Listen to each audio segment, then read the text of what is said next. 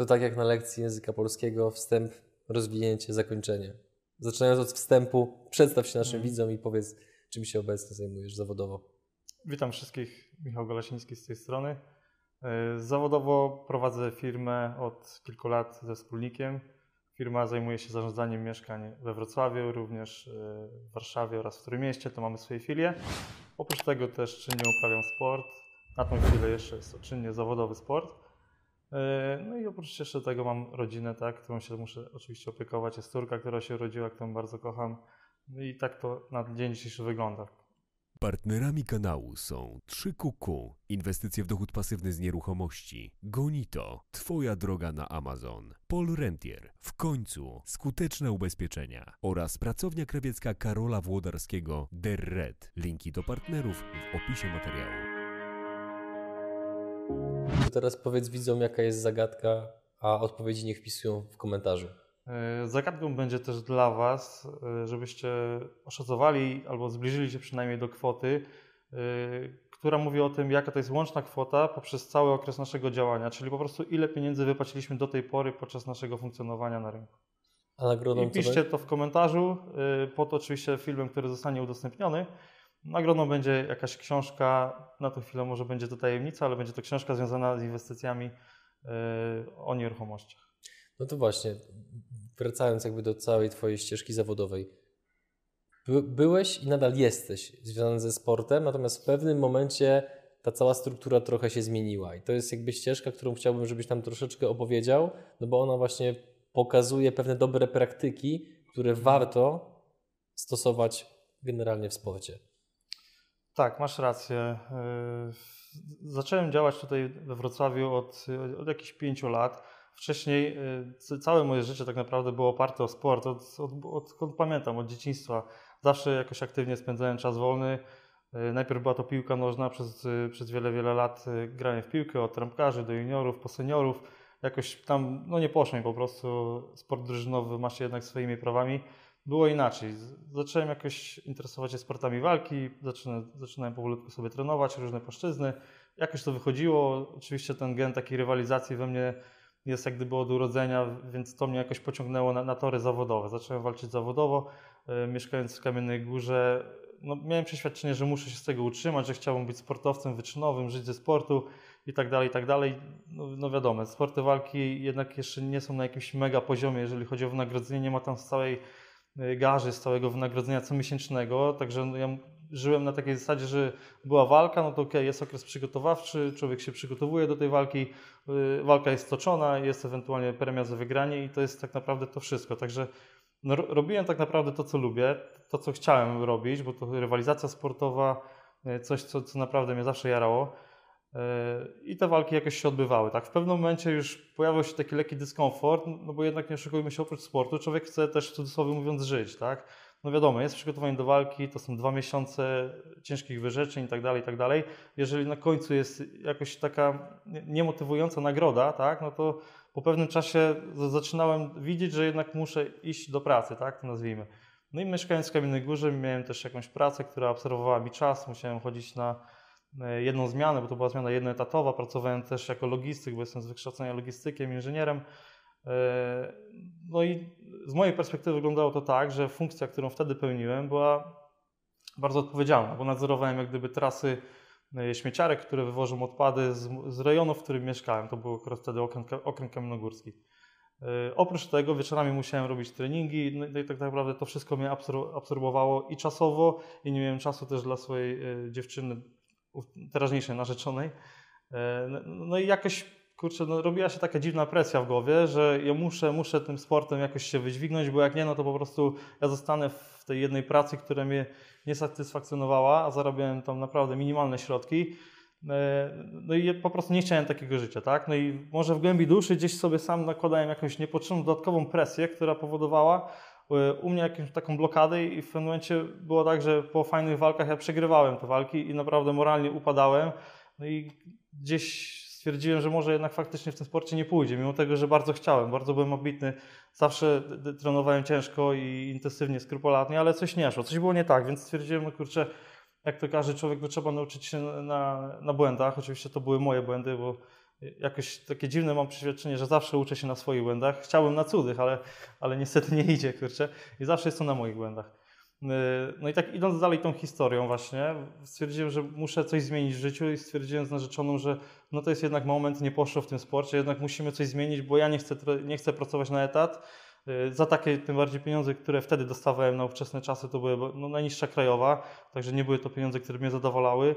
Jednak stwierdziłem, że chcę czegoś więcej od życia, byłem, byłem w sumie, jestem dalej młody, energiczny, tak, ambitny.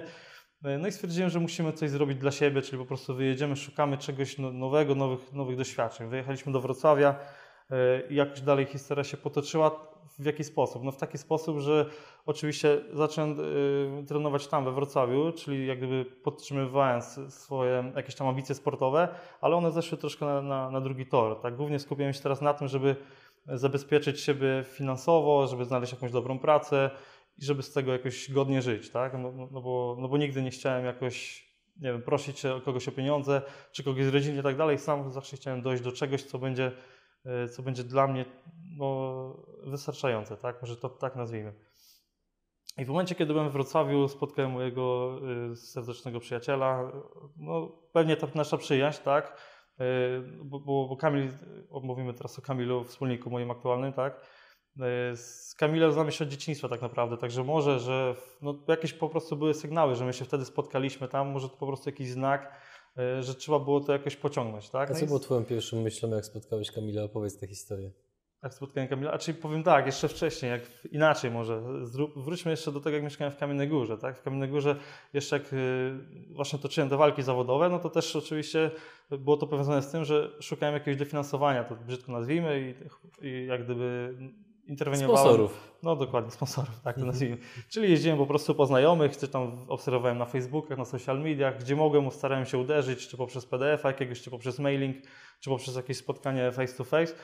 E, no i tak mówię, no kurczę, zawsze widziałem Kamil, mówię, we Wrocławiu, tam mu się wiedzie, no to może kurczę, wspomógłby kolegę jakimś drobnym datkiem do walki, tam gdzieś go zareklamuje, bo Kamil miał tam wtedy firmę y, Playa, z tego co dobrze kojarzę, jeszcze jeszcze miał znajomych oczywiście na swoim poziomie, czyli pewnie też mają jakieś firmy, czyli może coś by po prostu z tego wyszło. No i tam jedno, drugie, on, on reprezentował firmę Play, tak? On tam tak, tak. No Kamil miał tak, swoje, tak. swoje stanowisko Playa i tak, no tak. oczywiście no, ludzie, którzy są na pewnym poziomie, znają ludzi na tym samym poziomie. Podobno, tak? podobno przyciąga podobno. Dokładnie, tak. Dlatego stwierdziłem, że no, może warto jednak no, zapytać po prostu, czy no, mhm. no, człowiek nie błądzi. No, kto pyta, nie błądzi, tak?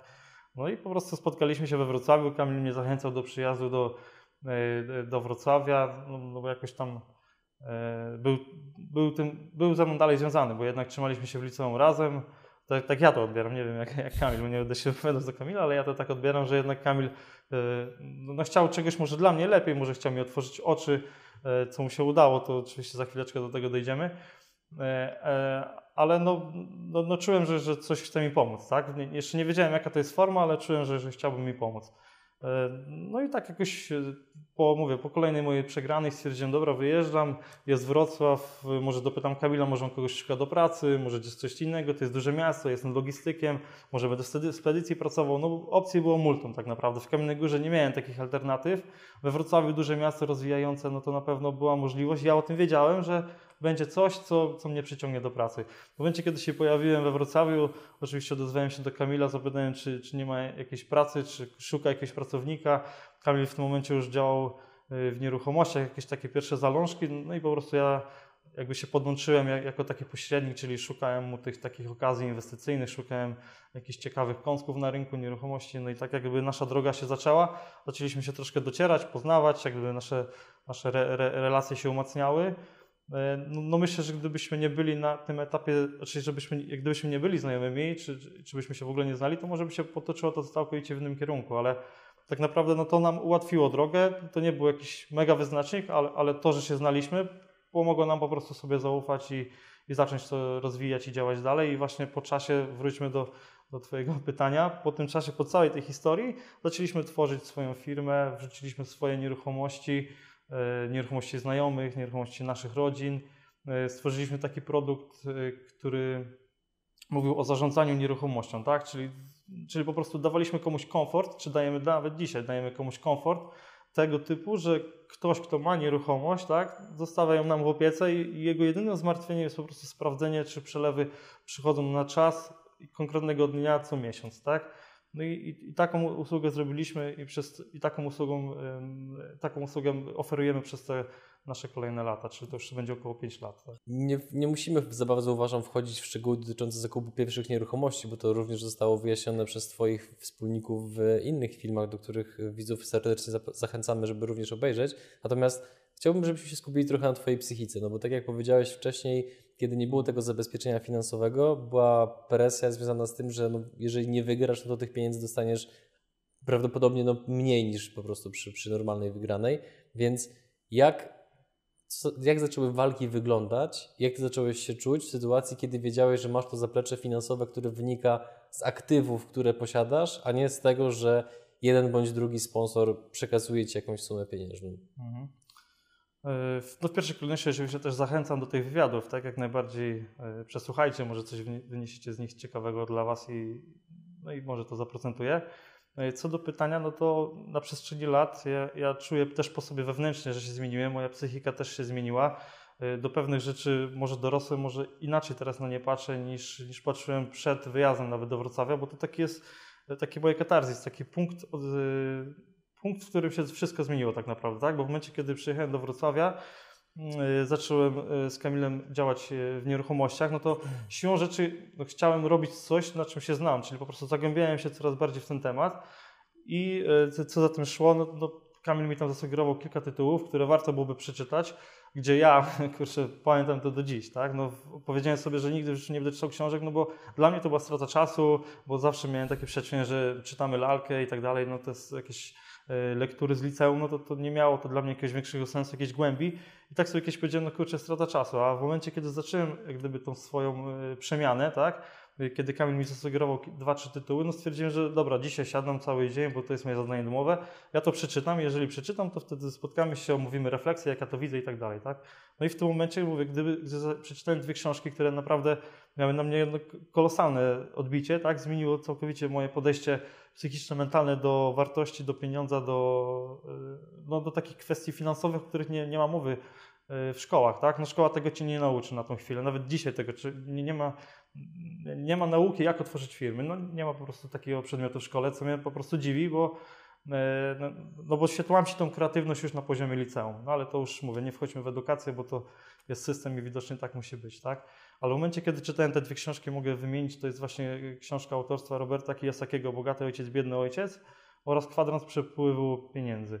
Te dwie książki zmieniły mój obraz w ogóle spostrzeżenia na życie, na, e, na wartości, na, na, na pieniądz, na to, e, jak należy to postrzegać.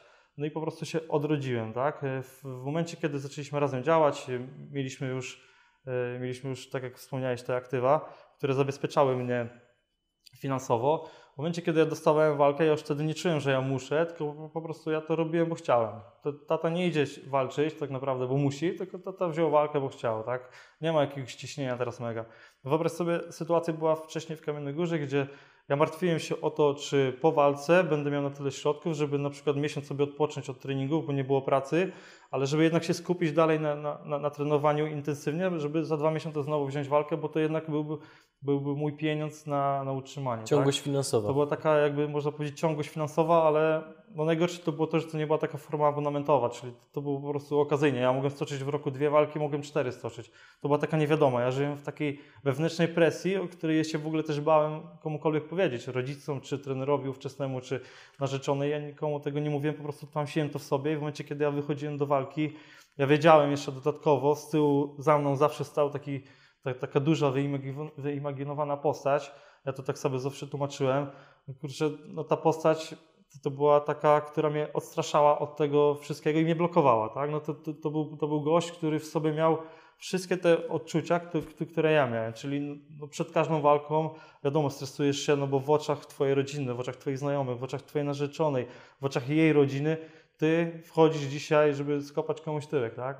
No, kurczę, no to była taka duża presja, w momencie, kiedy ja do tego dołożyłem jeszcze, kurczę, jak przegram, to może się jakieś drogi pozamykają, jakieś drzwi się pozamykają, jeden, drugi, trzeci sponsor odejdzie, nie będę miał jakby funkcjonować potem dalej, nie będę miał po prostu jak żyć, tak? No to, to mnie tak blokowało, że ja w momencie, kiedy wchodząc do ringu, no nie mogłem pokazać no, tego, na co mnie stać i, i, tak naprawdę się blokowałem, tak? No i te walki nie szły po mojej myśli, przegrywałem jedną, drugą, trzecią. No i po prostu dokonałem zmiany w życiu, tak? No, przewartościowałem pewne rzeczy i wyjechałem.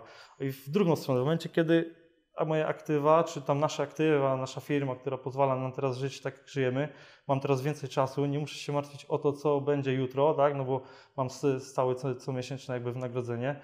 E, no to teraz mówię, no wychodząc do walki, ja jestem w przeświadczeniu, no kurczę, jesteś tutaj, no bo chcesz tu być, tak? Chcesz rywalizować, chcesz się sprawdzać, e, chcesz zobaczyć, czy, czy, czy, jesteś w stanie wygrać z tym czy z tym, tak? No walczysz ze swoimi słabościami, ale to już nie jest przymus, tak? To już nie jest przymus. I od tego momentu, kiedy tak naprawdę to się zmieniło, ja wygrałem w pięć walk, jakby można powiedzieć pod rząd. Jedna oczywiście w międzyczasie była no contest, także no, duży, duży win streak, dziękuję, miło mi słyszeć. Od trzech lat tak naprawdę, też to groźnie brzmi, no jestem niepokonany, tak? Także samo to już y, zabezpieczenie finansowe, tak, I, i, i poukładana głowa, że to zabezpieczenie jest, że co by się nie działo, czy mi się stanie kontuzja, czy, czy mi ktoś palce wsadzi w oko i, i nie wiem, nie będę widział, czy czy, czy cokolwiek się stanie, tak, no, no, no, to nie wykluczy mnie z życia codziennego, tak, no bo ja jestem zabezpieczony, ja, ja wiem, że jak nie będzie sportu, no to ja mam co w życiu robić, y, jest jeszcze córka, dla której też y, muszę mieć jakiś czas, żeby, y, żeby z nią spędzić, także no mówię, no to, to, że stworzyliśmy coś, co stworzyliśmy, robimy to cały czas z pasją, z zaangażowaniem, to właśnie sport mnie też tego nauczył, że skrupulatnie, ambitnie, zaangażowanie, jeżeli jesteś nakierunkowany na coś pozytywnie i robisz to z dnia na dzień, codziennie w określonym harmonogramie, no to w pewnym czasie przyjdą owoce, tak? Przyjdzie, przyjdzie ten efekt końcowy. E, no, no, no ja tak to widzę, że sport nauczył mnie jednak dobrych rzeczy i złych rzeczy, no bo nie oszukujmy się, nie można doświadczyć czegoś dobrego, jeśli nie doświadczyłeś w życiu czegoś złego, tak? Ja doświadczyłem w życiu, no, no, no zło, złe to jest takie też no, duże słowo, tak? No ale no, przegrałem walkę chociażby tak, niejednokrotnie, poczułem, poczułem gorycz porażki, poczułem się jakby na samym dole mentalnie, tak, no bo to, no wiadomo, no, to jest też pojęcie względne, to porażka to dla jednego jest co innego, dla drugiego też coś innego, ale mówię, no to, to tak naprawdę otworzyło mnie i w momencie, kiedy ja poczułem się pewny finansowo, no to tak naprawdę mówię, zmieniło się wszystko, tak, zmieniło się moje życie, zmieniły się moje wyniki sportowe, e, mhm. i jak najbardziej jestem z tego zadowolony. Tak. A jak tak z Twojego doświadczenia mm, wygląda sytuacja innych sportowców. Nie wiem, czy masz też rozeznanie, bo być może mhm. masz głównie styczność ze sportowcami ze świata sportów walki, ale tak no, pytam Ciebie jako specjalistę, który jednak no, w tym środowisku jest. Czy sportowcy w Polsce zabezpieczają swoją przyszłość, czy to jest bardziej jednak na zasadzie troszeczkę, że stawiam wszystko na jedną kartę? Powiem tak, na pewno są też sportowcy, którzy myślą o tym, co będzie po zakończeniu kariery. No, no to na pewno są, bo to mówię, no niektórzy mają swoich menadżerów, którzy ich tam kierują, którzy ich prowadzą, którzy im doradzają i tak dalej, i tak dalej. E, jeżeli miałbym mówić o środowisku, w którym ja, ja się jak gdyby otaczam, tak, no to są też ludzie, którzy oczywiście myślą o tym, co będzie dalej i tak dalej. No nie każdy ma też na tyle w sobie e, czy motywacji, czy możliwości, czy też jest w takim środowisku, a nie innym, że nie umie się z tego wyrwać. No, no, to mówię, to jest tak naprawdę no, ciężki temat do ugryzienia, ale na, na tą chwilę no, ludzie raczej myślą tym, to, na tym, co jest teraz. Tak? No, każdy żyje teraźniejszością, a to, co będzie później, no to, no to tak naprawdę zostawiają na razie w takiej, można powiedzieć, niewiedzy. Tak?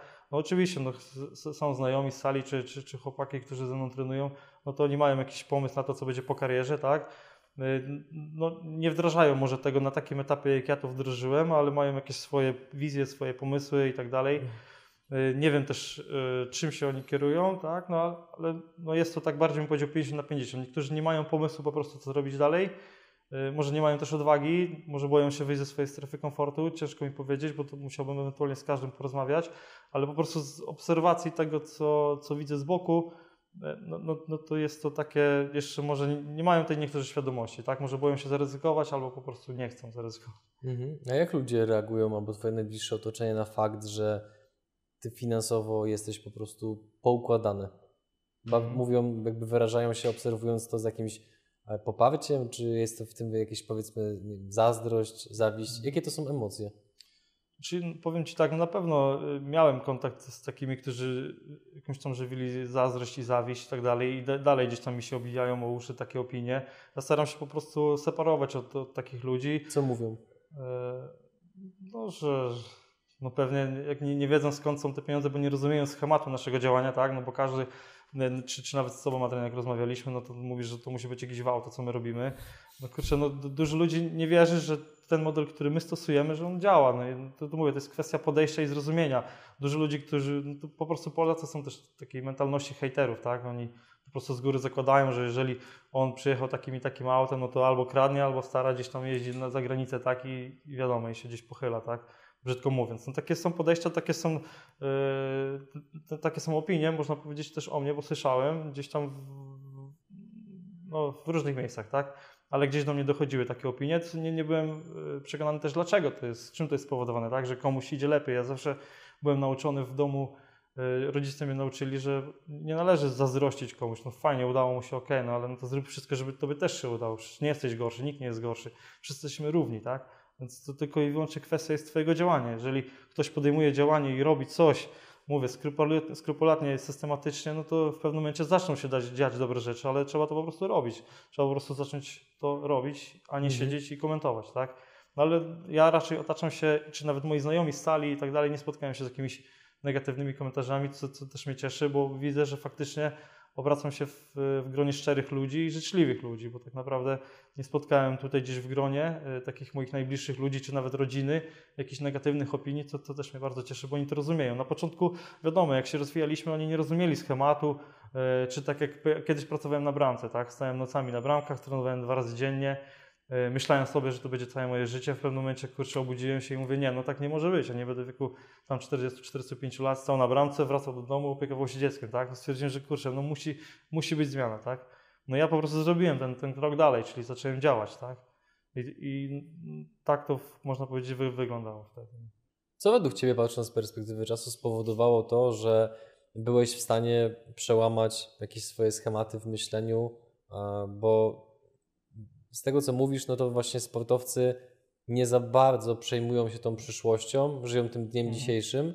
Ja sam miałem jakby wielokrotnie styczność, trenując całe, całe życie różne sporty, że faktycznie jak jest forma, jak jest wszystko dobrze, jak się wygrywa na zawodach, to ma się masę popleczników, wsparcie. Natomiast wystarczy, że się albo przegra kilka razy z mhm. rzędu, bądź co gorsze złapie się kontuzję, to nagle no, po prostu się wypada troszeczkę z gry. No i teraz co według Ciebie spowodowało, że Ty w pewnym momencie miałeś jakby na tyle otwartą głowę, że chciałeś się w pewien sposób zmienić, dostosować, zmienić całą strategię działania? No bo mówiłeś trochę o tym, że była presja, że były negatywne emocje, natomiast to są rzeczy, których doświadcza raczej większość osób, które są w podobnej sytuacji do Ciebie, a niekoniecznie wykonują pewne kroki, mhm. żeby, żeby się zmienić, żeby włożyć ego do kieszeni, żeby otworzyć książkę, którą ci kolega z liceum czy ze szkoły podstawowej e, mówi, żebyś przeczytał, no to są pewne rzeczy, które jednak wymagają pewnej takiej elastyczności umysłowej. Mm. Więc jak to się, skąd to się u Ciebie wzięło? E, powiem tak, Adrianie, że ja zawsze byłem człowiekiem ambitnym poprzez właśnie sport, bo miałem zawsze, stawiałem sobie zawsze najwyższe cele. E, będąc jeszcze młodym piłkarzem, zawsze marzyłem o tym, żeby się wybić i grać gdzieś przynajmniej w pierwszej lidze i tak dalej, i tak dalej, ze względów jakichś tam logistycznych, czy też nawet, y, no nie wiem, nawet czy ludzkich, bo to w pewnym momencie miałem możliwość się wybić z Kamiennej Góry, gdzieś grać w juniorach y, Zagłębia Lubin, czyli mógłbym ewentualnie już podnosić na, na tamtym etapie moje umiejętności, może bym teraz gdzie indziej, może bym piłkarzem. Y, niestety no, ten jakiś taki, można nazwać mini transfer, zablokowali jakiś działacze, bo tam kwota zaporowa i tak dalej, i tak dalej. No to taka odrębna historia. E, ale właśnie no, poprzez sport byłem zawsze ambitny, żeby, żeby jednak no, wybić, żeby robić coś innego niż inni, tak? No, nie chciałem być takim zwykłym, można powiedzieć to szaraczkiem, zawsze miałem ambicje, żeby, żeby jednak e, gdzieś delikatnie się wyróżniać. No, nie jest to teraz taki lans może na Facebooku czy, czy gdziekolwiek, że ja się wszędzie afiszuję ze wszystkim, bo to też nie o to chodzi. Ja wolę jednak, e, czy, czy nawet prywatne swoje rzeczy, czy, czy rodzinne jakieś, tak, trzymać na uboczu, żeby po prostu sobie spokojnie żyć. Ale dlaczego to, to, to zmieniłem? E, no zmieniłem to, żeby żyć po prostu lepiej. Tak? W momencie, kiedy przyjechałem do Wrocławia, moje pierwsze mieszkanie, które wynajmowałem, no, było w fatalnym stanie, mimo tego płaciłem jakieś takie, no, powiedziałbym, że spore pieniądze. To, było, to była moja kamiennogórska wypłata, którą ja płaciłem za mieszkanie we Wrocławiu, a do tego jeszcze musiałem zarobić na, na życie, tak? na jedzenie i tak dalej. I tak sobie później pomyślałem, no kurczę, to jest, to jest naprawdę mega mieć swoją nieruchomość, gdzieś nawet spadku dostać, czy kupić, nie wiem, no, wygrać miliony, kupić jego nieruchomości i żyć sobie pasywnie. To jest kurczę coś mega i zawsze o tym marzyłem. E, no i w momencie, kiedy przeczytałem te dwie książki, które mi właśnie podsunął Kamil, e, ja sobie uświadomiłem, że jest naprawdę multum nawet czy dźwigni różnego rodzaju, czy finansowych, które pozwolą ci na, na jakąś nieruchomość nabyć, tak? No i, i, możesz tak naprawdę żyć pasywnie, tylko musisz umiejętnie podejść do tematu, musisz to sobie zaplanować, tak? No bo to nie jest etap, za miesiąc jest wszystko już załatwione, tylko to jest falowy, długoterminowy proces, tak? No i skrupulatnie w kalendarzu oczywiście zapisywałem wszystkie swoje działania, które potem realizowałem, tak? No, no i jedynym moim takim bodźcem to było to, że no, nie wierzyłem do końca też e, w nasze państwo, że zaopiekuje się tak mną na starość, jakbym chciał. E, I stwierdziłem, że, że dobra, no to rzucamy wszystko, ryzykujemy, ja idę w te nieruchomości. E, dziewczyna była taka troszkę stopująca, mówi kurczę uważaj, bo to takie ryzykowne, teraz taki może nie jest sprzyjający okres i tak dalej. Ja mówię, no to, no to jak będziemy czekać na ten okres, chociaż nawet nie wiedzieliśmy, kiedy to będzie ta, ta, ta chwila, ta, ta, ta jedyna chwila. No, bo ona też skąd miała wiedzieć, tak? No, no, ale zawsze mnie stopowała, mówi uważaj, uważaj, może to nie teraz, może poczekajmy. No jednak byłem tym, który chciał zaryzykować i jednak pociągnąłem za spust i zaryzykowałem. No i teraz tego, tego nie żałuję. No musiałem tak zrobić, bo po prostu chciałem zmienić coś w swoim życiu ta, tak, żebym, żebym mógł też trenować do tego, tak? No, pasywny dochód pozwala mi teraz robić to, to co lubię, bez żadnego, żadnego przymusu, tak?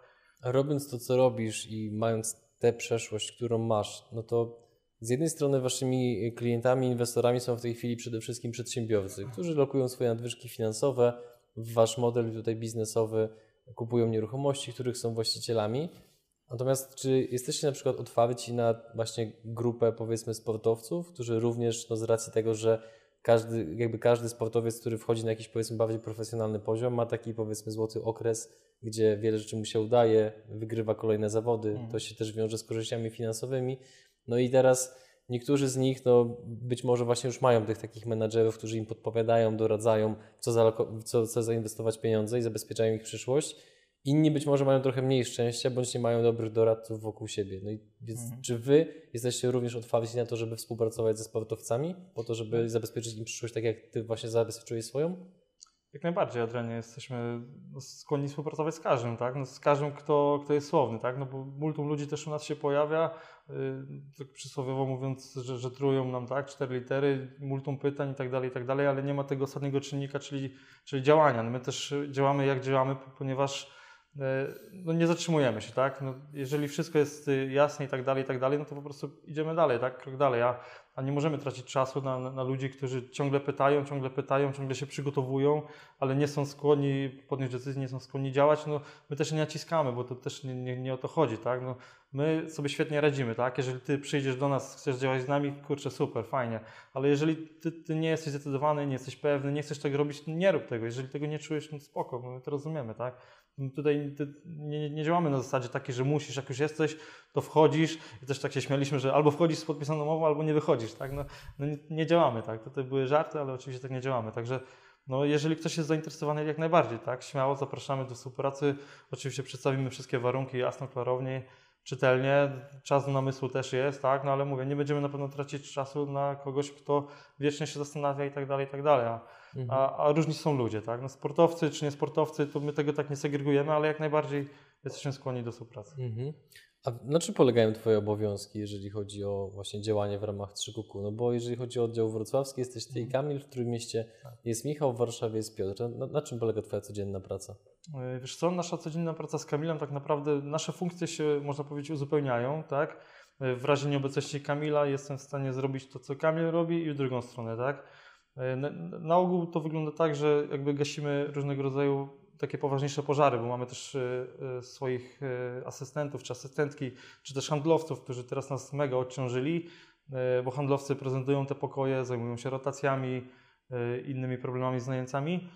Asystentki oczywiście wszystkie maile, kontakt z prawnikiem, z księgową i tak dalej, i tak dalej.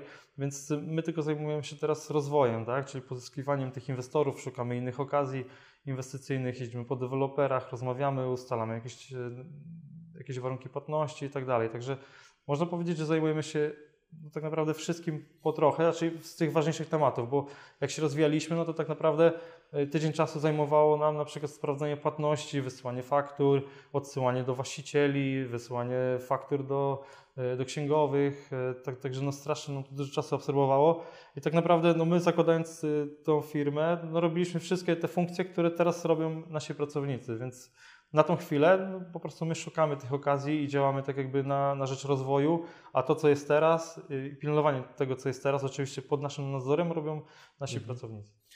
Powiedziałeś, że jednym z Twoich właśnie obowiązków jest to, że macie kontakt z deweloperami, skupiacie mhm. się na rozwoju, kupujecie kolejne nieruchomości.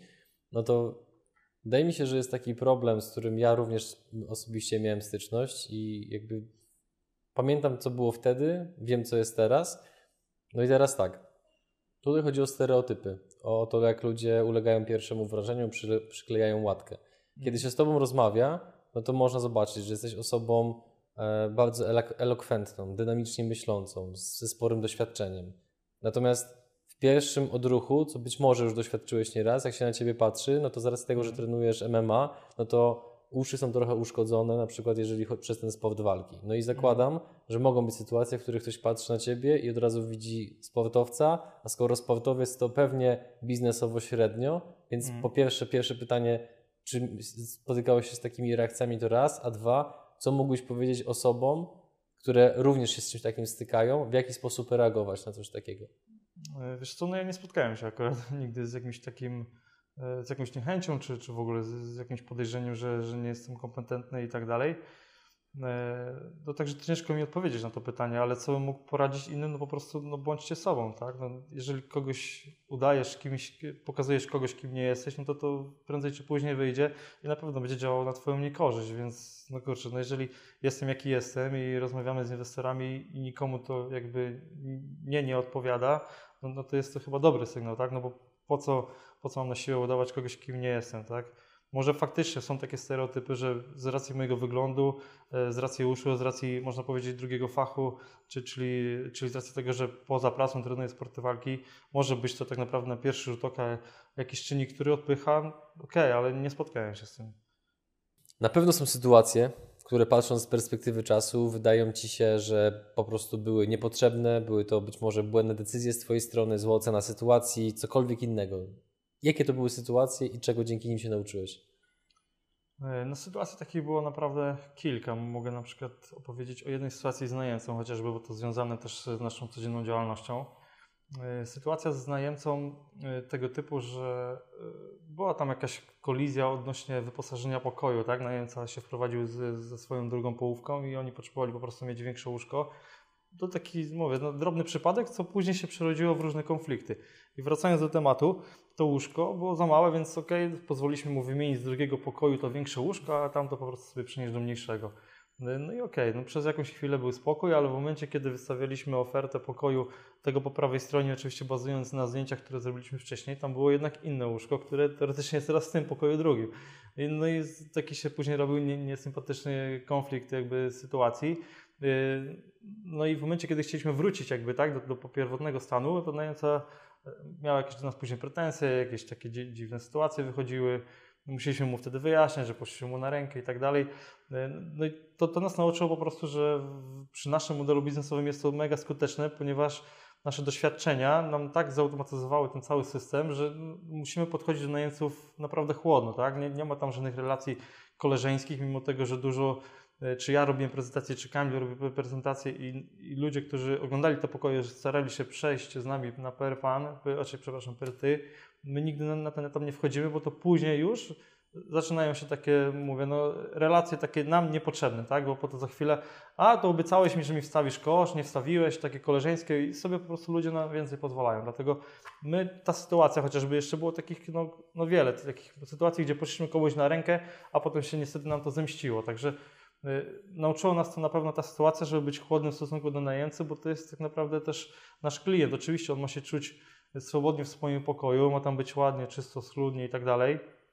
On wie za co płaci, on płaci za komfort i, no, i, no i za swoje miejsce w, w mieszkaniu, czy w, czy w pokoju, czy, czy za całe mieszkanie, zależy od tego, co wynajmuje. Y, no ale z drugiej strony mówię, no musimy jednak mieć tą granicę taką per pan, bo, bo, bo to nam później, no psuje nam to później dużo krwi. Także to, to na pewno jest jeden z takich głównych czynników, który pozwolił nam zautomatyzować ten nasz model abonamentowy, y, który pozwala nam też później planować różnego rodzaju wydatki, inwestycje itd. Tak itd. Tak, tak mhm. Także no, to, na pewno taka his, drobna historyjka plus kilkanaście takich, można powiedzieć, na przestrzeni tych, tych kilku lat sytuacji pozwoliło nam teraz działać tak, jak działamy, czyli po prostu skutecznie. Tak? Która sytuacja, jeżeli chodzi o kontakt z inwestorem, była dla Ciebie najmniej przyjemna, najtrudniejsza, niezręczna? E, Dlaczego wiesz, tak się stało i co się nauczyłeś dzięki temu? Wiesz co, no, kiedyś miałem taką sytuację, że dzwonił inwestor właśnie przez telefon, czyli nie było po prostu tego spotkania face to face i no tam poprzez rozmowę zaczynaliśmy wchodzić na, na, na, różne tematy i tam przestaliśmy się po prostu rozumieć. E, ktoś zaczął nas źle jak gdyby odbierać. No i tam po prostu doszło do poróżnienia zdań, ktoś, ktoś tam po prostu rzucił później telefonem, tak? No i stwierdziliśmy, że, czy nawet z najemcami są też takie sytuacje, że przez telefon pan obiecał, pan nie obiecał i tak dalej, i tak dalej. Czy także no, w ogóle kontakt telefoniczny, tak no, zauważyliśmy, że, że to nie do końca jest to, co my byśmy chcieli robić. Także najbezpieczniej po prostu najemców przerzuciliśmy na Y, na maila, a, właśnie inwestorów, to zawsze staramy się umówić spotkanie face to face, bo jesteśmy w stanie emocjami, y, czy też nawet po prostu po ludzku porozmawiać, poznać się, ktoś nas zobaczy faktycznie, że gość jest, gość istnieje, jest taki Michał, tak, on ma takie kalafiory, tak, on więc się też trenuje, kurczę, fajny gość, może fajnie z nim wejść w współpracę, no to, to już są, są takie elementy, które pozwalają nam też nawiązać E, nawet jeszcze znajomości, tak? No bo nie, nie oszukujmy się, jeżeli inwestujemy w nieruchomości, to, to też nie jest mały wolumen, e, no, no, to fajnie jak znamy tą drugą stronę, no, no, bo teraz jest sytuacja, gdzie nasi inwestorzy słyszą, e, słuchaj Kamil, Michał, słyszałem, że kupujecie od dewelopera 20 mieszkań, coś kupujecie? No słuchaj, no, Kamil bierze 3, ja dwie, dobra, to ja też, bierz mi 4 proszę. No to teraz tak to wygląda, tak? No działamy na, na relacji, ale to na takiej relacji teraz rzecz się po prostu musimy zobaczyć i, i to, to też jest taka można powiedzieć, dla niewielu błaha sytuacja, że poprzez jakieś takie niedomówienia przez telefon, może ja po prostu źle przekazałem sytuację, źle, źle przekazałem ofertę, czy może coś, no błąd komunikacji jakiś nastąpił i, i, i po prostu jeden inwestor mógł, może mógł pracować z nami, a niestety nie, nie bo, bo coś tam było nie tak, tak? Dlatego no, staramy się teraz to tak zautomatyzować, żeby to, to działało. No i to taka jest, mówię, dla niektórych może to być błaha sytuacja, dla mnie to jednak było takie troszkę, troszkę tak się poczułem przegrany wtedy w tej rozmowie telefonicznej, bo już myślałem, że, że, że, że, coś z tego będzie, a jednak nie, no bo, może, może moje doświadczenie, może jakiś mój błąd, no i prysło, tak? Mhm. Już się spółki mówiły, że niedobre są spółki. Czy jakoś tak? Puenta mojego pytania jest taka, że jesteście wspólnikami. W oddziale wrocławskim jest was dwóch, w waszej grupie jest was czterech. Różne charaktery, różny wiek, różny poziom doświadczeń życiowych. W jaki sposób, patrząc najpierw na sytuację z Kamilem, bo z nim jednak współpracujesz najdłużej, w jaki sposób się dogadujecie? Co patrząc z perspektywy czasu w Twojej ocenie było kluczowe, ale żebyś to proszę przedstawił w takim ujęciu, żeby osoba słuchająca Cię, która jest powiedzmy na początku swojej współpracy ze wspólnikiem, mogła coś z tego wyciągnąć dla siebie, żeby potem ewentualnie wdrożyć w firmie i żeby właśnie ze wspólnikiem dogadywać się bardzo dobrze. Mhm. E, jeżeli miałbym mówić o relacji z Kamilem, no to tak jak wcześniej też wspominałem, tak, na pewno dużym czynnikiem było to, że się wcześniej znaliśmy i że jakoś te drogi nasze się znowu skrzyżowały, tak. E, na pewno to nam pomogło jakoś powoli, powoli budować swoje zachowania, swoje reakcje, no bo to wiadomo, że nie zawsze przyjaciele mogą stworzyć coś, coś razem, tak? No, Docieraliście się jak silnik, tak? tak? docieraliśmy się po prostu, odłożyliśmy troszkę na bok jak silnik, który na początku Dokładnie. nie działa idealnie, tylko Dokładnie. z czasem po prostu naciera. No? Mhm. E, wyglądało to właśnie na takiej zasadzie, że e, każde nasze jakieś tam spotkania, kolejne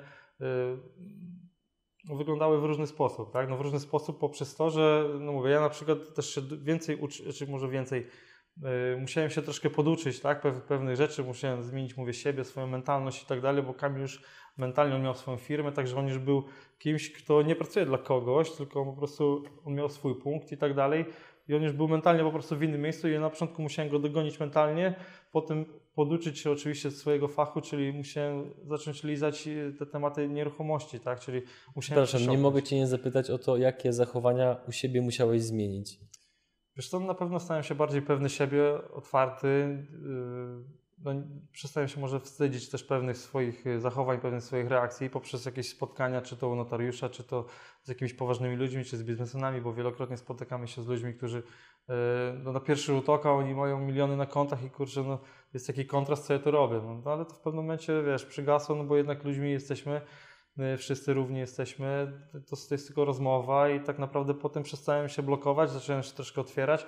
Mimo tego teraz sam zauważyłeś wczoraj, no niekiedy jeszcze nie wiem, czy to też moje wychowanie i tak dalej, że no, powinienem może coś wcześniej powiedzieć albo wejść komuś w słowo, żeby się przebić, tak? Może nie mam jeszcze tej siły przebicia, ale to też może świadczy na, na, mój plus, no, no, bo nie chcę komuś tam wchodzić w kompetencje i tak dalej. No, poprzez... Tutaj tylko dopowiem, dopowiem widzom, że y, Michałowi chodzi o taki mechanizm, który czasami się odbywa, jak jest, spotykamy się jakby w całej grupie, gdzie wszyscy mówią, a Michał jest tak bardzo kulturalny, że nikomu nie przerywa, czeka Ciężko aż ktoś skończy mówić, ale że nikt nie kończy mówić, to tak Michał potrafi czekać kilka godzin, aż się odezwie, a, jak, a potem ludzie na niego mówią, zwracają uwagę, Michał, czemu ty się w ogóle nie odzywasz? No, jest taki paradoks potem, nie? Tak, bo oczywiście w tym czasie już padnie, w międzyczasie padnie wszystko to, co ja chciałem powiedzieć, dlatego też między nimi się już później cicho, no ale okej, okay. to już takie, można powiedzieć, mhm. wewnętrzne między nami, tak? E, wspominałeś właśnie, e, co się zmieniało na, na, naszym tle, tak? No oczywiście, tak. no mówię, no my jako, jako kumple zaczęliśmy się docierać pod kątem biznesowym pewnych zachowań, tak? No Kamil też zadawał mi jakieś takie mikro zadania ty, typu, jak się zachowam w sytuacji, nie wiem, proszę zadzwoń tutaj do, do księgowej yy, i wydobi od, od niej jakieś tam informacje, tak? No dla mnie to było też coś nowego, no ja pracując na bramce, tak, no nie miałem takich problemów, jak później przy, przy zakładaniu firmy i przy prowadzeniu tej mhm. firmy, tak, także no też, no to było dla mnie też przełamywanie barier, takie kontakty, czy nawet księgową, czy, czy do pytania o fakturę, kurczę, co, co to jest koszt, co to jest przychód i tak dalej. No takie, takie zwykłe, no dla przedsiębiorcy tak naprawdę teraz błahe tematy na początku dla mnie były, były ciężkie, tak, no ale musiałem się otworzyć. Ja wiedziałem, że ja muszę być otwarty, wiedziałem, że ja muszę zaryzykować, że ja chcę po prostu zaryzykować. E, no i nie bałem się tego, po prostu wiedziałem, że muszę się uczyć, muszę się mhm. nastawić na to, że to jednak będzie dla mnie nauka, tak? E, no bo będąc będąc najlepszym albo chcąc być najlepszym, tak, trzeba się doskonalić, y, no i trzeba cały czas kręcić się z tymi najlepszymi, tak, czyli, czyli ze swoimi mentorami, może tak nazwijmy. No my oczywiście też jeździliśmy po różnych szkoleniach, które nas też kierunkowały na to, co teraz robimy, tak, no, czy na przykład mieszkania dzielone na pokoje, no to też się nie wzięło nie wiadomo skąd, tylko też pojechaliśmy na jedno szkolenie, które nam otworzyło oczy, że to też jest fajny model do, do działania, tak, i że ludzie też tego potrzebują, inwestorzy, którzy y, którzy patrzą na ROI i tak dalej, no, oni mhm. chcą jakichś tam większych zwrotów, no to patrzą również na, na to, żeby maksymalnie wykorzystać mieszkanie pod właśnie ten, ten zysk, tak? Mhm. No i my zaczęliśmy po, po, prostu to robić, tak? No, ale to mówię, no to był też długo, długofalowy y, okres, gdzie zaczęliśmy się docierać i tak dalej. No były taki jeden okres może, że gdzieś coś tam się posprzeczaliśmy może, no ale jakoś, jakoś, jakoś się to no, rozeszło. Już nawet nie pamiętam sytuacji, o co no, to no, poszło, ale wiem, że chyba z trzy dni się nie odzywaliśmy do siebie. Mhm. Jakaś taka była, nie wiem, no jakaś flaga zawieszona, nie wiedziałem, czy, czy tak naprawdę coś się stało, czy ja coś źle zrobiłem. Kamil też nie dopytał, czy, czy, czy może to po jego stronie. Ja już nie pamiętam, nie chcę naprawdę e, do tego może nie wracać, ale nie pamiętam po prostu mhm. na jakiej zasadzie to było, że my się nie odzywaliśmy do siebie, ale była sytuacja, że trzy dni była taka cisza, każdy tam robił swoje i tak dalej.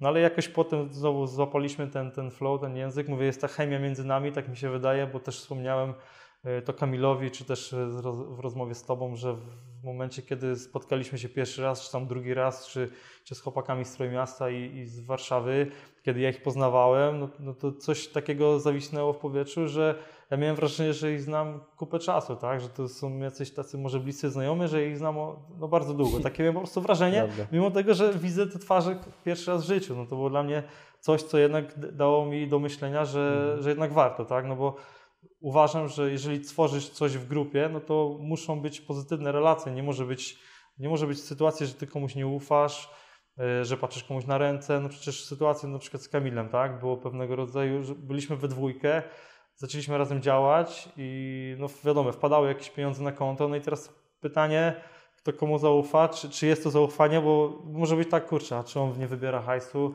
a czy on wydaje gdzieś te pieniądze na swoje jakieś cele, czy faktycznie jak przyjdzie na nim tutaj wpłaci kaucję 7 stówek, to czy ja faktycznie je wpłacam do banku, czy może 5 z nich nie podbieram. No były takie sytuacje, no ale no mówię, no to trzeba po prostu zaryzykować i się otworzyć. w potencjalnych obaw, tak? A nie, tak, że one tak, wystąpiły. To, tak, to były na pewno potencjalne obawy. Yy, takich sytuacji w ogóle nie było i nie ma do dziś, nawet czy, czy też nasze asystentki, czy pracownicy nie, nie robią jakichś takich krzywych ruchów. Po prostu stworzyliśmy to na takiej zasadzie partnerstwa, że żeby każdy czuł się jak w rodzinie, tak? No, pracujemy mhm. na siebie, bo też, no mówię, no my jesteśmy też inwestorami swojej firmy, także no my na tym opieramy nasz, nasz core, nasz biznes.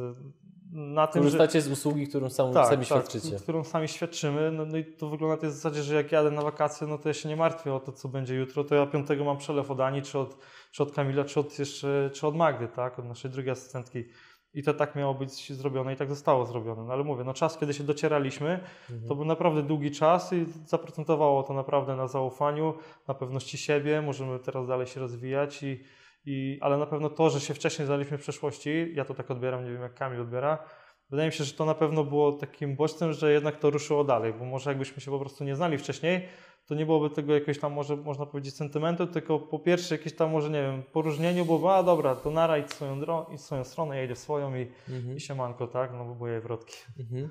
Jakie zachowania biznesowe są dla Ciebie w pewien sposób niewybaczalne albo powodują, że nabierasz bardzo dużego dystansu wobec osoby, która robi to zachowanie? E, Wiesz co, no tak nie chciałbym na pewno wymieniać nazwisk i tak dalej, ale zachowania e, Nie, u pewnych ludzi, swobodnie. u pewnych ludzi nie chciałbym tego robić mimo wszystko, nawet chociażby, żeby robić reklamę, no ale to okej. E, Tylko zachowania, które zauważyłem, które jakoś mojej, mojemu charakterowi nie pasują, to jest taka obłuda i kreowanie siebie na kogoś, kim się nie jest, tak, opowiadanie o czymś, co nie jest prawdą. No, no takie po prostu fugazi to nazwijmy. Nie lubię po prostu czegoś takiego, oszustwa, czy, czy kreowania, mówię, no czegoś, co, co, co nie ma odzwierciedlenia w rzeczywistości, tak? No to jest coś, co się w ogóle gryzie z moimi wartościami i ja po prostu nie chciałbym się z czymś takim utożsamiać i dlatego też między innymi jestem z Kamilem, no bo zresztą nie jestem z Kamilem, może to zabrzmiało dwuznacznie, działamy razem, tak? E, Na, tle, na tle biznesu, no, no bo po prostu oboje myślimy podobnie, tak? Nie, nie chcemy e, wciskać pierdół, nie, nie chcemy robić wałów. e, Nasz biznes to, to, to nie jest jakiś wał, to, to nie jest coś dobrego, żeby było, e, żeby było Coś niemożliwe. zbyt dobrego, czy tak? coś zbyt dobrego, Mhm, tak? mhm. Tylko po prostu to jest, bo my wkładamy w to serce, swoją pasję, zaangażowanie e, i tak to jest. No, jak powiedział Jacek Walkiewicz, no, pasja rodzi profesjonalizm. My robimy, my robimy firmę z pasją. Działamy za każdym razem. e, Nasze czynności są powiązane z naszą pasją, bo my lubimy nieruchomości. My, to, co robimy, to można powiedzieć nawet kochamy, tak? No, tą pasję, którą prze, przekształcamy na profesjonalizm, a profesjonalizm później daje nam jakość, tak? No ta jakość jest różnego rodzaju odbiorem. Dla nas jest to jakość w życiu, dla właścicieli mieszkań jest to jakość e, obsługi tych nieruchomości, a dla najemców jest to jakość mieszkania, w którym oni mieszkają. Także no, kierujemy się jakby tym, tym krótką, tą krótką frazą, którą kiedyś Jacek Walkiewicz Mhm. powiedział. A powiedz mi, bo w internecie krąży bardzo dużo różnego rodzaju właśnie reklam dotyczących inwestowania w nieruchomości, w, naprawdę w, jakby w różnej formie, też nie chcę tutaj wymieniać nazw, żeby e, nie robić e, reklamy tym, tym, tym projektom. Natomiast patrząc z Twojego doświadczenia, z racji tego, że właśnie również jesteś inwestorem, to hi- hipotetycznie, jeżeli ktoś chce zostać inwestorem, niekoniecznie jakby w Waszej firmie, no bo jakby rynek jest bardzo duży, to na jakie elementy Twoim zdaniem powinien zwrócić uwagę? Co powinno jakby zapalać w jego głowie taką czerwoną lampkę, że warto się temu przyjrzeć, warto o to zapytać, tutaj jest chyba troszeczkę przesada i tak dalej. No bo nieruchomości jakby same w sobie są aktywem bezpiecznym, no ale znowu to aktywo można, nazwijmy to, obrabiać na wiele różnych sposobów, niekoniecznie sprzedając samą nieruchomość, ale może jakieś, e, no, powiedzmy jaką, jakąkolwiek inną formę, która nie jest aktem notarialnym, tylko jakieś, wiesz, powiedzmy udziały w czymś tam, coś, co nie jest zabezpieczone i tak dalej. Co ty byś takiemu inwestorowi doradził, żeby właśnie podjął jak najbardziej bezpieczną decyzję? E, Jeżeli miałby podjąć jak najbardziej, jak najlepszą dla siebie decyzję, no, no też, no mówię, no każdy inwestor patrzy na nas na różne rzeczy, to nie możemy wrzucać wszystkiego do jednego worka, bo jeden będzie patrzył na ROI, drugi będzie patrzył na, na lokalizację, jeżeli patrząc pod kątem nieruchomości, tak? Jeden zerknie sobie na Sopot, bo on chce mieć e, jakąś, no nie wiem, nazwijmy to nieruchomość premium, tak? W Sopocie przyjadę z rodziną, poszaleję sobie i tak dalej. Drugi będzie chciał mieć inwestycje, nie wiem, w Warszawie, no bo on ma ciotkę w Warszawie i, i na przykład syn będzie studiował i on sobie tam będzie mieszkał, a trzeci we Wrocławiu kupi na przykład na Kozanowie pokój, e, mieszkanie wielopokojowe, tak? Żeby mu tylko jak największe ROI e, przynosiło. No to mówię, no to jest to jest zależne od tego, y, na co patrzy inwestor. Tak? Według mnie no, powinni patrzeć głównie na bezpieczeństwo tak, tej transakcji, no bo jakby nie patrzeć, oni lokują no, naprawdę spore pieniądze tak, no, w coś, co ma im zabezpieczyć y, utratę tych pieniędzy. Już y, pomijam to, że mogą zarobić i powinni na tym zarobić, czy tam zarabiać, ale już żeby nie, chociaż nie stracić te, tego swojego majątku, czy dorobku życia i tak dalej. Także uważam, że powinni patrzeć głównie na, bez, na bezpieczeństwo i oczywiście na, na, na prześwietlenie nie wiem, czy, czy, czy to tak nazwać, czy firmy, czy, czy tam, gdzie inwestują, żeby prześwietlić po prostu wiarygodność tego źródła, tak? No bo teraz jest wiele tych piramid finansowych, czy było, czy są, y, historie, afery i tak dalej. które, które obrazują, że, że Polacy no zobaczą no nie, niekiedy fajny banner, 5% przelewam, klik, czy była taka afera, już, już nie będę wymieniał też z nazwy, gdzie gdzie się okazało to oczywiście piramidą finansową, za sam udział, za samo jakby wejście w projekt, inwestor, y, przyszły inwestor musiał tylko dokonać przelewu 40 tysięcy złotych w ciemno, tak? I oni to robili, kurczę. Ciekawi mnie właśnie to, co, co kieruje ludźmi, tak, y, że w ciemno po prostu nie, nie, nie, badają tematu i przelewają takie środki, tak. Potem wychodzi nagle, że, że, że to jest po prostu jakaś firma, która ogłosiła upadłość, tak, mają wypłacalność tam czy, czy ubezpieczenie na 200 koła, które oczywiście na tle tego, ile oni wyzyskali, no to nie pokryje kosztów tym wszystkim inwestorom. Także no, powinni według mnie patrzeć naprawdę na bezpieczeństwo i na trwałość tego aktywa. Nieruchomość to jest aktywem trwałym, yy, którą się nabywa poprzez akt notarialny, także zawsze akt notarialny ma właściciel mieszkania, on ma zawsze prawo yy, do, do, do, do korzystania z tej nieruchomości. No, czy on zostawi ją w zarządzaniu, czy będzie sam mieszkał, to jest jego decyzja, tak? No, na pewno lukuje pieniądze w coś trwałego, a wydaje mi się, że nieruchomości to jest najbardziej bezpieczne teraz, y, najbardziej bezpieczne rozwiązanie, jeżeli chodzi o lokowanie swoich nadwyżek finansowych mhm. w jakieś aktywa. Zbliżając się powoli do końca wywiadu, patrząc z perspektywy czasu, nawet cofając się do bardzo wczesnych lat Twojego życia, jakie rzeczy byś zrobił może trochę inaczej, mając obecną wiedzę? Być może coś byś zrobił szybciej, czegoś byś nie zrobił, czegoś byś uniknął? Co, no kurczę, no, na pewno wiele rzeczy bym zmienił, tak mi się wydaje. E, chociażby nawet od tego, że jeżeli miałem to marzenie być piłkarzem, to po prostu powinienem w pewnym momencie spakować walizkę, zaryzykować i wyjechać. Bałem się po prostu wyjść ze swojej strefy komfortu. To jest chyba taka największa rzecz, którą ja ubolewam, bo mogłem wiele rzeczy zrobić może inaczej, ale po prostu się bałem, bo bałem się, bo było mi dobrze w tym momencie, w jakim byłem, strefa komfortu była, jaka tam była i ja się po prostu bałem z niej wychylić. A, a, a to działanie, to chęć zaryzykowania pojawiło się dopiero w późniejszym czasie, a może by to zaprezentowało wcześniej. Teraz tego już, już, już nie dowiemy, tak? no ale na pewno chciałbym to zmienić, tą cechę nawet w sobie, żeby umiejętność ryzyka była już e, na, na, na etapie nie wiem, podejmowania pierwszych swoich marzeń. Czyli dam Ci przykład e, typu moja córka, teraz ona będzie dorastać. Ja nie będę w niej tłamsił marzeń, e, nie będę też jej czegoś narzucał, tak jak według mnie szkoły teraz one po prostu niszczą marzenia, one uczą cię tylko po to, żebyś ty poszedł do e, firmy na etat i żebyś pracował dla kogoś, tak? One nie pozwalają ci na przykład na etapie sportu już powiedzmy, w Stanach Zjednoczonych to masz tak, że idziesz do liceum i tam oprócz tego już możesz się ukierunkować w konkretny sport, czyli masz do wyboru, czy MMA, czy zapasy, czy koszykówkę, czy hokej, czy futbol amerykański. Tam jest wszystko i tam od razu nakierunkowują cię na to. Tutaj u nas czegoś takiego nie ma. Ja w liceum czy w podstawówce na WF-ie miałem niejednokrotnie rzuconą piłkę i róbcie co chcecie, tak? Także, de, także no, no, no, to jest słabo ogólnie. No ale to mówię, to już jest edukacja, to jest system, e, system nie wygramy, no, jest jak jest na tą chwilę. E, nawiązując do Twojego pytania, mogę jeszcze przytoczyć drugą historię, która też mi bardzo utkwiła w głowie. Może nie historię, tylko bardziej uczucia.